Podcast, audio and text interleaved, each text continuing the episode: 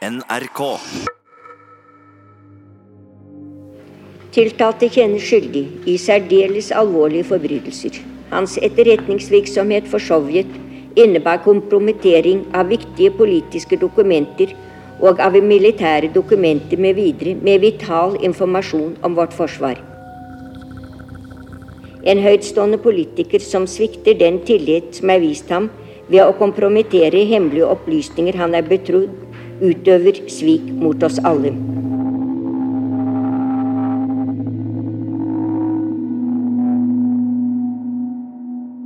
Det sitter en mann og gråter på et avhørsrom hos politiet. Han har nystrøken dress og er vanligvis sammen med ministre og toppdiplomater. For én time siden ble han arrestert av overvåkingspolitiet, mistenkt for å være spion for Sovjet og KGB. Er han skyldig, risikerer han 20 år i fengsel. Hvis han er uskyldig, hvordan havnet han her? Dette er historien.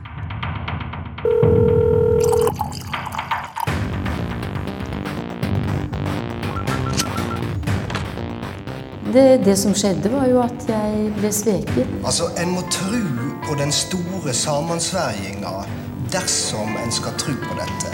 Det er muligens riktig. Det er Politiforklaringen der er antakelig dekkende. Du hører på Spionen Treholt. Jeg heter Line Alsaker. Del én Fallet. Byråsjef Arne Treholt siktet for spionasje, arrestert på Fornebu på vei til møte med KGB. Dette er bare tull. Det kan overhodet ikke være tilfellet. Det var Jens Evensens øyeblikkelige reaksjon da NRK brakte ham nyheten om at hans nære venn og medarbeider Arne Treholt er arrestert. Hvis dette er sant, ja da står min forstand helt stille, sa Evensen videre. Og hvis det er sant, så er det så forferdelig at jeg ikke vil snakke om det, sa Evensen, som naturlig nok ikke ville la seg radiointervjue. Arne Treholt har vært som en sønn for meg, og jeg nekter å tro det er sant, sier Evensen. Evensen selv har aldri merket noen som helst antydning til at Treholt skulle ha hatt kontakter som han nå er siktet for. I 1984 er den kalde krigen mellom Vesten og Sovjetunionen på sitt kjøligste.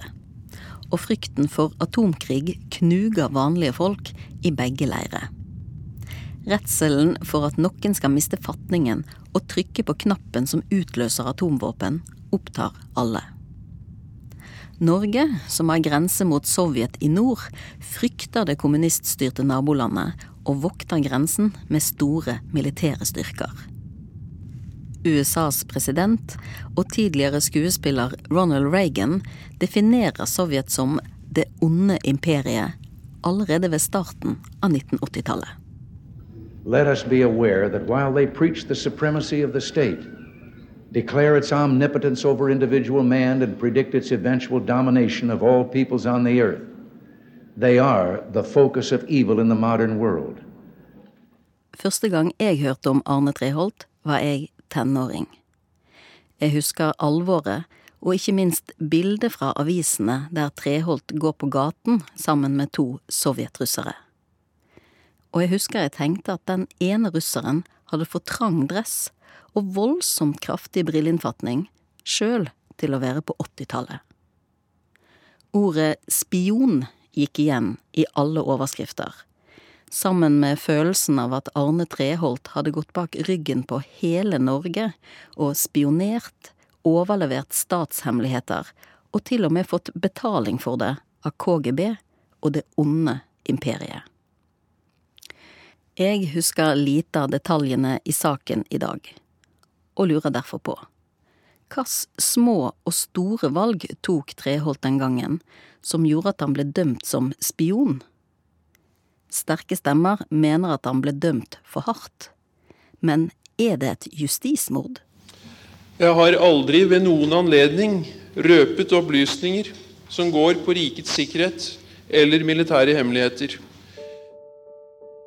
I denne dokumentarserien skal du få høre lydopptak som ikke har vært offentliggjort tidligere, opptak av spanere, overvåkere og fra rettssaken som fulgte.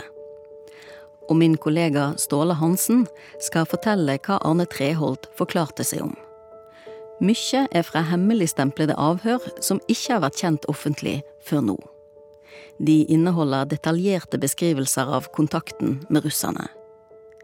Treholt tilstår her å ha overlevert gradert materiale, men mener sjøl det ikke var noe som skadet Norges interesser.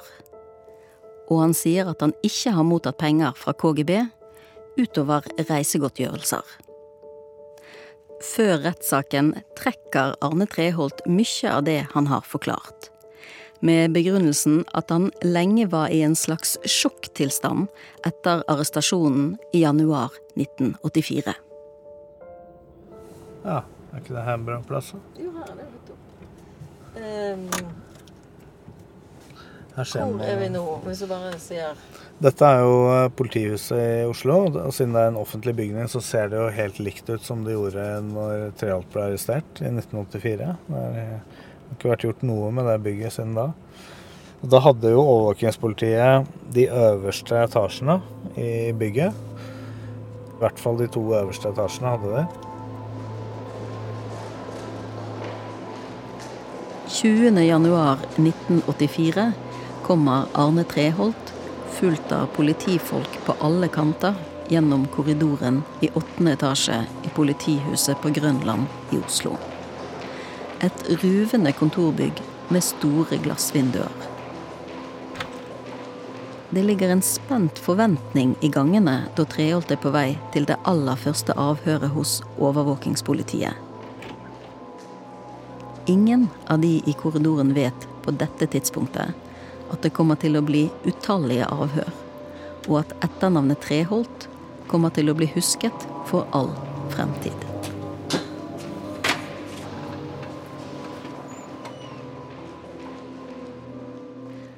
Arne Treholt har briller med stålinnfatning og er mager som en langdistanseløper.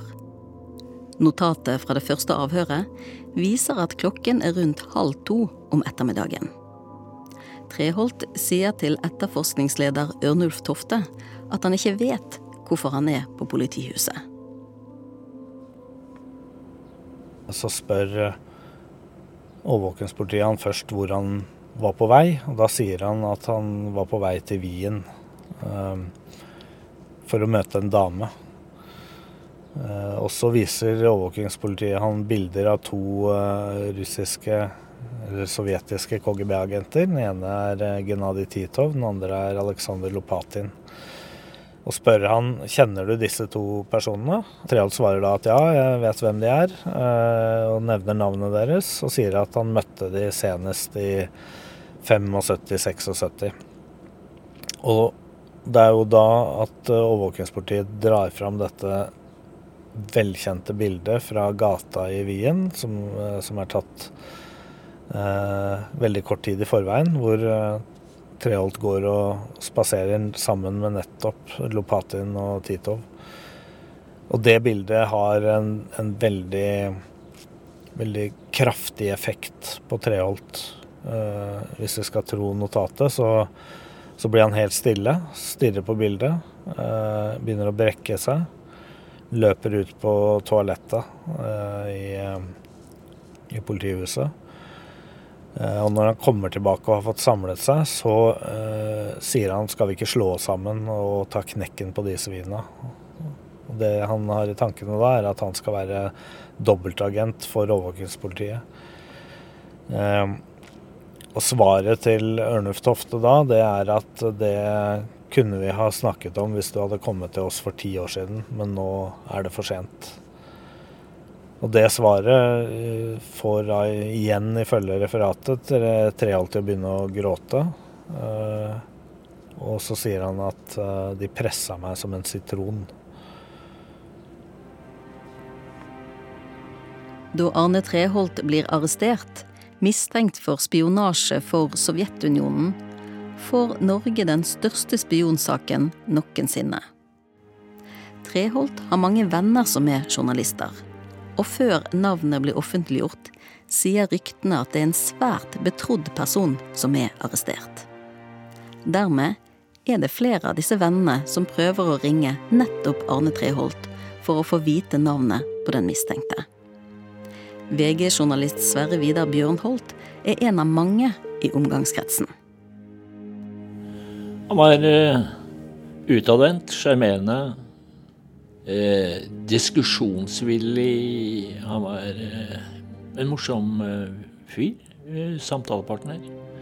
Eh, det var livlig rundt bordet når Arne var til stede. I journalistmiljøet og i politiske miljø så var det jo De fleste visste jo hvem Arne var. Alle visste hvem eh, Arne var. Hadde et, eh, som regel et forholdsvis nært forhold til han, ettersom han var så utadvendt. Så var han eh, et aktivum ute på byen. Men denne kvelden tar ikke Treholt telefonen. Muligens grubler han over valg han har tatt, der han sitter i avhørsrommet til overvåkingspolitiet. Da navnet blir offentliggjort dagen etter, velter det ut reportasjer. Hvor lenge avhørene av Arne Treholt vil fortsette, det vet vi ikke. Det vi tror, kan anta, er at Arne Treholt vil befinne seg oppe i åttende etasje i politihuset. i alle fall de Byråsjef Treholt har erkjent at han har hatt møte i flere land med representanter for KGB, og at han ved enkelte høve har overlevert graderte dokument. Han hadde også med seg graderte dokumenter da han ble arrestert. Arrestasjonen av Arne Treholt slår ned som en bombe. Har virkelig den betrodde politikeren, maratonløperen og kontorsjefen satt Norges sikkerhet i fare ved å gi informasjon til Sovjet? I så fall, hvor mye skade har han gjort? Og hvor lenge har det pågått?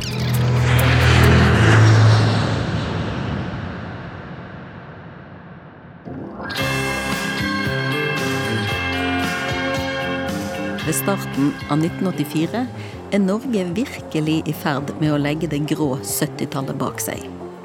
Folk skaffer seg hockeysveis og kjøpekrøller og går med fargerike collegegensere pyntet med teksten 'Poco Loco' på brystet. Statsminister Kåre Willoch fra Høyre har sørget for at butikken har åpent lenger, og at nærradioer popper opp over hele landet og blir et tilskudd til det gamle NRK-monopolet.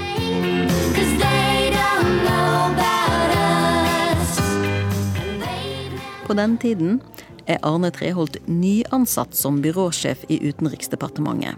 Noe som betyr at han er kontorsjef og en av de byråkratene som bestemmer mest i et av de viktigste departementene i Norge. Statsminister Kåre Willoch, hva er din reaksjon på avsløringa av Arne Treholt som eh, agent for Sovjetunionen? Det er jo tragisk når en norsk borger må arresteres for spionasje rettet mot eget land. Har du kjent til mistanken mot Arne Treholt lenge? Jeg vil nødig gå inn uh, i noen detaljer nå, for uh, vi har hensyn å ta til efterforskningen. Og vi må jo også passe på at vi ikke letter reaksjonene for vår motpart Sovjetunionen i denne saken.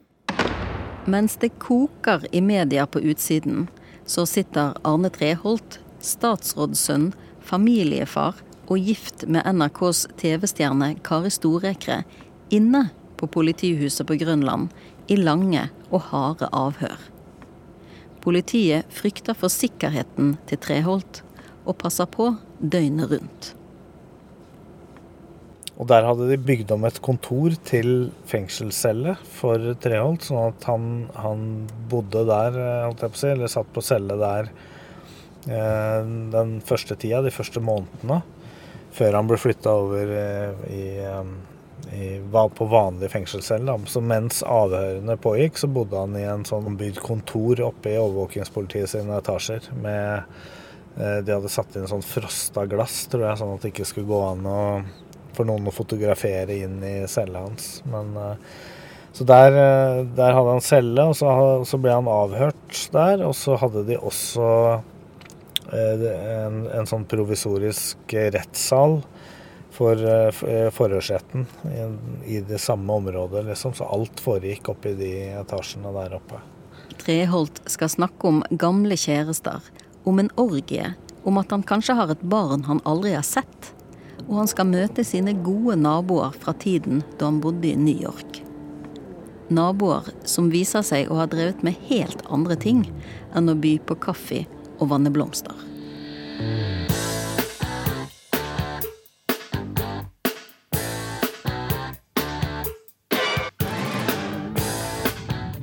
Hva slags liv var det for ham de månedene? Han må jo føle seg veldig isolert.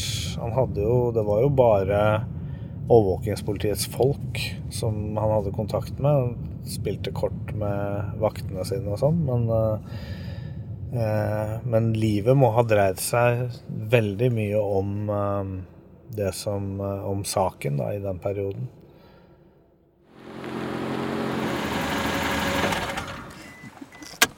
Det var en stund der da satt det journalister og, rundt hele steinhjula her. Forfatter Egil Ulateig er en av Arne Treholts nærmeste venner. I 1984 trener de løping sammen, noterer rundetider i treningsdagbøker og er hverandres fortrolige. Hvor, kan du huske hvor du var den dagen Arne ble arrestert? Ja, da var jeg hjemme. Da var jeg hjemme i leiligheten i Oslo. Det husker jeg veldig godt. Den vinteren, da hadde vi et fryktelig treningsprogram. Og Arne i tillegg, han reiste mye da. Så da når han var hjemme, så trente vi forferdelig. På glattis og, på, og over Vi hadde det vel trent dagen før, og så ble det noe Ikke noe trening av en eller annen grunn. Egil Ulateig ringer hjem til Arne i Oscars gate for å høre hvor det blir av han. Men i andre enden er det en fremmed stemme som svarer. Nei, Arne er ikke her. Så denne herre kalde stemmen. Ja, men uh, hvor er vi? Vi må ha tak i han. Vi, vi, vi, vi har jo ting vi skal gjøre. Arne er ikke her. Du treffer ikke ham her. Ja.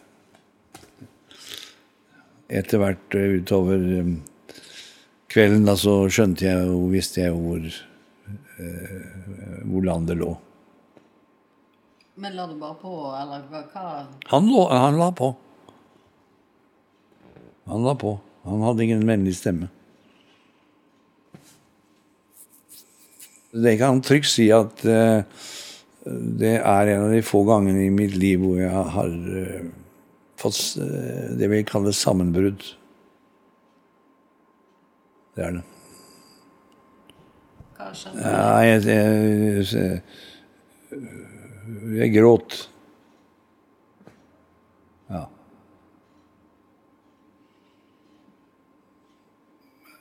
Ikke med en gang, for da trodde jeg det ikke.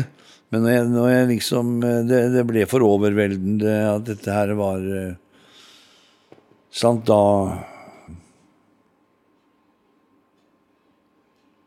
i, i, i lang tid da så visste jeg ikke hva jeg skulle gjøre. Jeg, jeg, jeg gikk og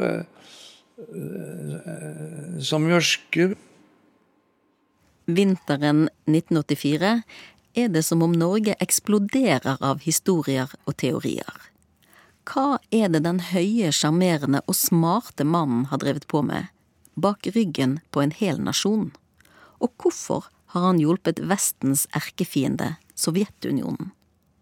Stikkord for neste nyhetssak spionmotiv. Spekulasjonene om motivet for KGB-spionen Arne Treholt fortsetter. I Frokost-TV i dag sa en avhopper fra KGB at pengebegjær var motivet. Dette avviste Arne Treholds forsvarer Ulf Underland i ukeslutt. Den tidligere KGB-offiseren som var anonym i TV-intervjuet, sa at han fikk opplysningene om Treholds pengebegjær da han arbeidet i den sovjetiske etterretningsvesenet. It's my opinion that there was no ideological problems for his uh, recruit. I think he worked only for money. Fem sovjetiske diplomater blir raskt utvist etter Treholt-avsløringen. Og fire andre blir erklært uønsket i Norge. Noe som egentlig betyr det samme. Hvis du ikke reiser frivillig, blir du kastet ut av landet. Helt siden utvisningen var et faktum onsdag ettermiddag, har det hersket uklarhet om når de utviste skulle reise. Men i dag dro i hvert fall to av dem. Noen diskré avreise ble det ikke for de to.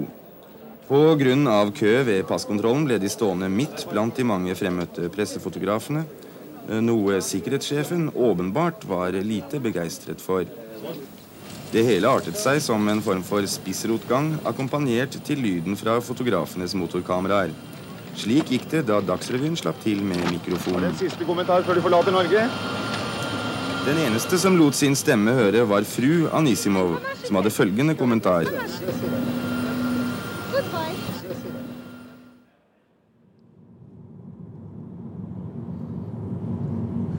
Her er det, vet. Der er Narvesen-kiosken. Her er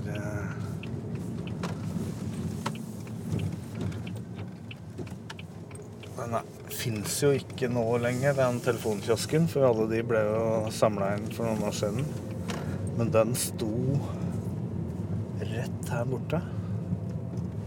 Der. Den sto her. Akkurat der hvor vi kjørte forbi nå.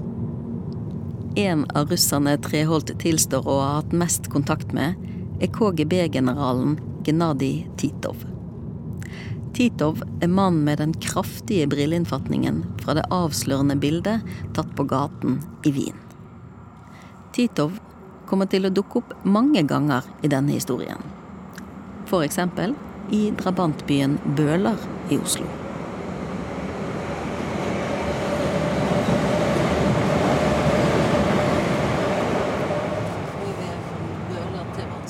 Det her var sånn kjøp... Ja, Bøhler senter er det jo. Den er bare, det er bare pusset opp nå.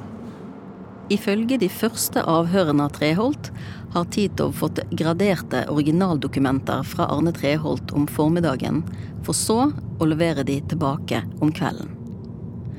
Å ta kopier av dokumentene sjøl, for så å gi de til Titov, er for risikabelt for Treholt. Og mobiltelefoner med kamera er ikke oppfunnet enda. Der sto telefonkiosken. Omtrent akkurat der. Det er første gangen Arne Treholt ga dokumenter til eh, Titov fra KGB. Så var avtalen at de skulle møtes her, jeg tror det var sånn ved ellevetida om kvelden. Da hadde Titov fått god nok tid til å kopiere dokumentene. Og så um, og så skulle Tito komme herfra, fra denne siden, og gå oppover fortauet der. Og så kom Treholt fra andre siden. Og Og når de gikk forbi hverandre og subba borti hverandre nærmest, så Så snappa Treholt en avis som dokumentene var rulla inn i fra Titov. Sånn at du måtte Du kunne ikke se det med mindre du visste hva du skulle se etter. At de, at de overleverte dokumentet herfra. Og på den tida så bodde Treholt rett på andre siden av T-banelinja der borte. Så han trengte bare å gå en liten kveldstur hjemmefra og, så, og møte Tito og få tilbake dokumentene. Det var sikkert gjort på ti minutter.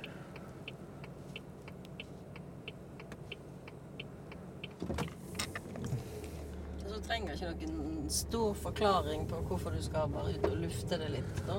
Nei, det var, det var sikkert bare de, Jeg tror ikke de hadde hund, men, men, en rask kveldstur, det kan man jo gjøre uten at man trenger å røpe at man skal møte KGB, liksom.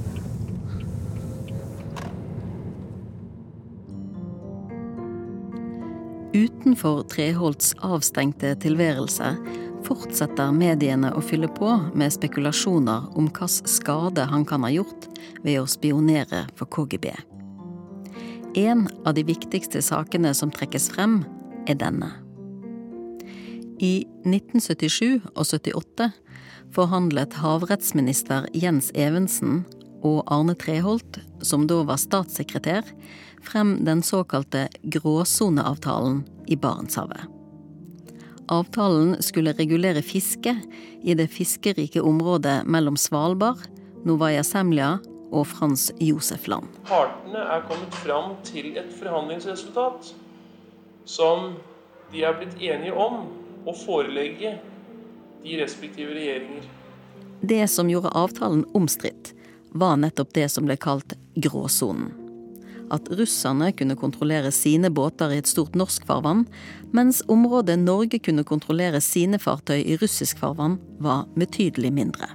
Havrettsminister Jens Evensen og fiskeriminister Aleksandr Iskov gir hverandre den endelige avtaleteksten på norsk og russisk. Mannen i bakgrunnen er statssekretær Arne Treholt, nå arrestert og sikta i den største spionasjesaka vi har hatt her i landet. Jeg sa at jeg ikke skulle reise fra Norge før vi skal undertegne avtalen. Men hva var det så som gjorde at gråsoneavtalen kom opp som et moment da Arne Treholt ble arrestert i 1984? Jo, for det spørsmålet da ble satt Arne Treholt på begge sider av forhandlingsbordet og ga russerne en fordel ved å dele informasjon om det Norge ville kreve i forhandlingene med Russland på forhånd? Det blir et av de viktigste spørsmåla etterforskerne må prøve å finne ut av, og som retten seinere skal ta standpunkt til.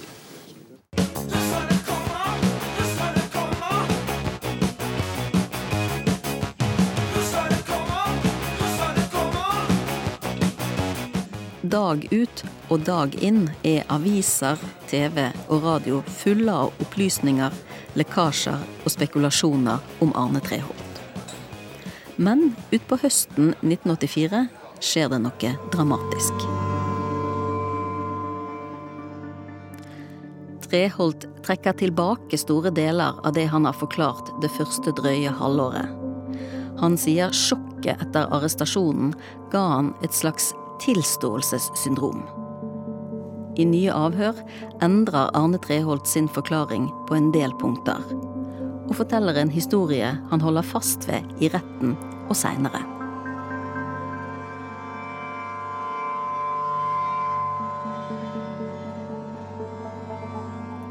Over et år etter at Arne Treholt ble arrestert, starter rettssaken i februar 1985.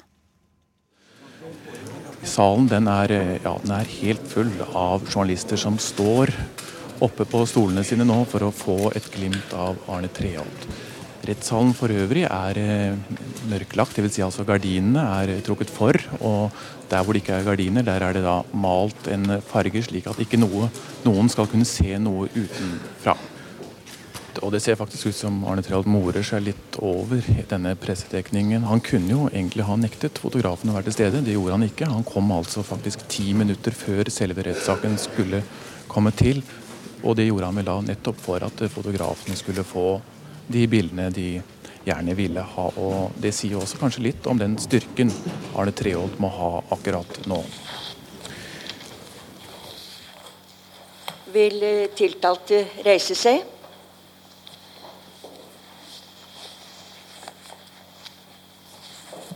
Deres fulle navn?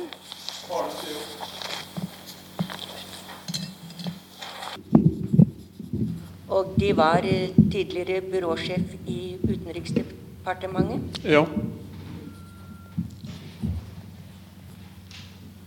Og hvor bor de igjen? Drammen kretsfengsel. Eh, ja, men jeg tenker på deres bopel ellers. Oscars gate 61, Oslo 2. Og inntekt?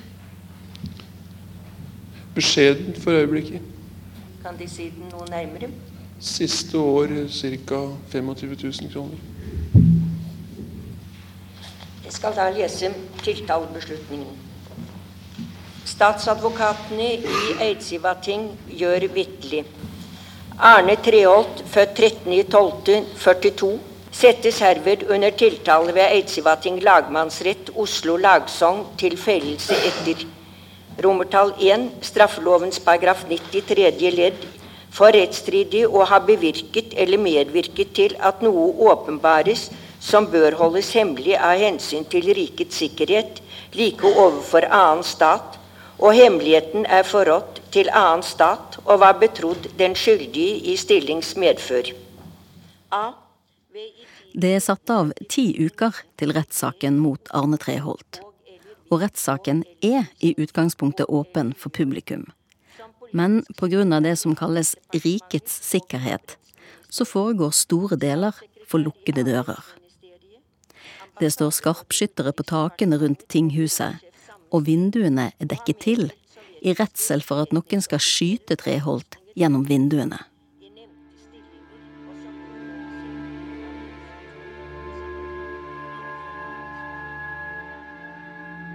Hvor mye fulgte du med på rettssaken? Satt du i salen, eller ja, det? Ja, ja, jeg gjorde det hele tiden. Det er den uhyggeligste opplevelsen jeg har eh, Og jeg har hatt mange uhyggelige opplevelser. Det, det er det verste jeg har vært med på. Og jeg har fått lyttet uh, i ettertid til noen av lydbåndopptakene fra rettssaken. Og det er en sånn hatsk stemning at det er altså Det går gjennom marg og bein. Hva var det verste, syns du? Nei, det verste var jo uh, tonen. Tonen. Hatske. Uh, hatske tonen som Altså, det var sånn de ville drepe At de var ute for å drepe ham. Uh, rett og slett ta livet av ham. Altså, rettssalen var Altså, den, den var nærmest full av, av hat.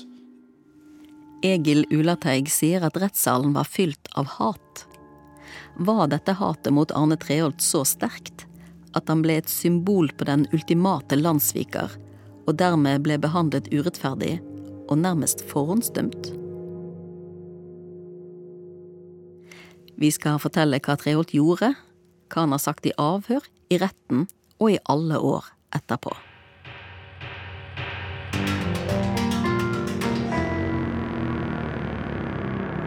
Neste episode De visste hvem han var.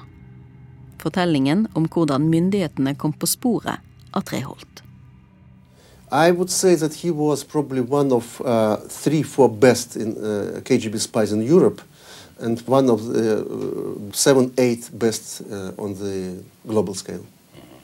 Extremely uh, important for KGB.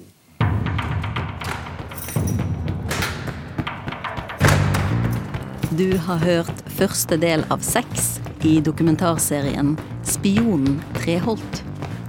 Serien er laget av meg, Line Alsaker, med hjelp av Nick Best, Ståle Hansen og Kjetil Saugestad. Lyddesign Kjetil Hansen. Musikken i serien er laget av Sosius Music. Takk til NRKs researchsenter ved Sissel Holsæter.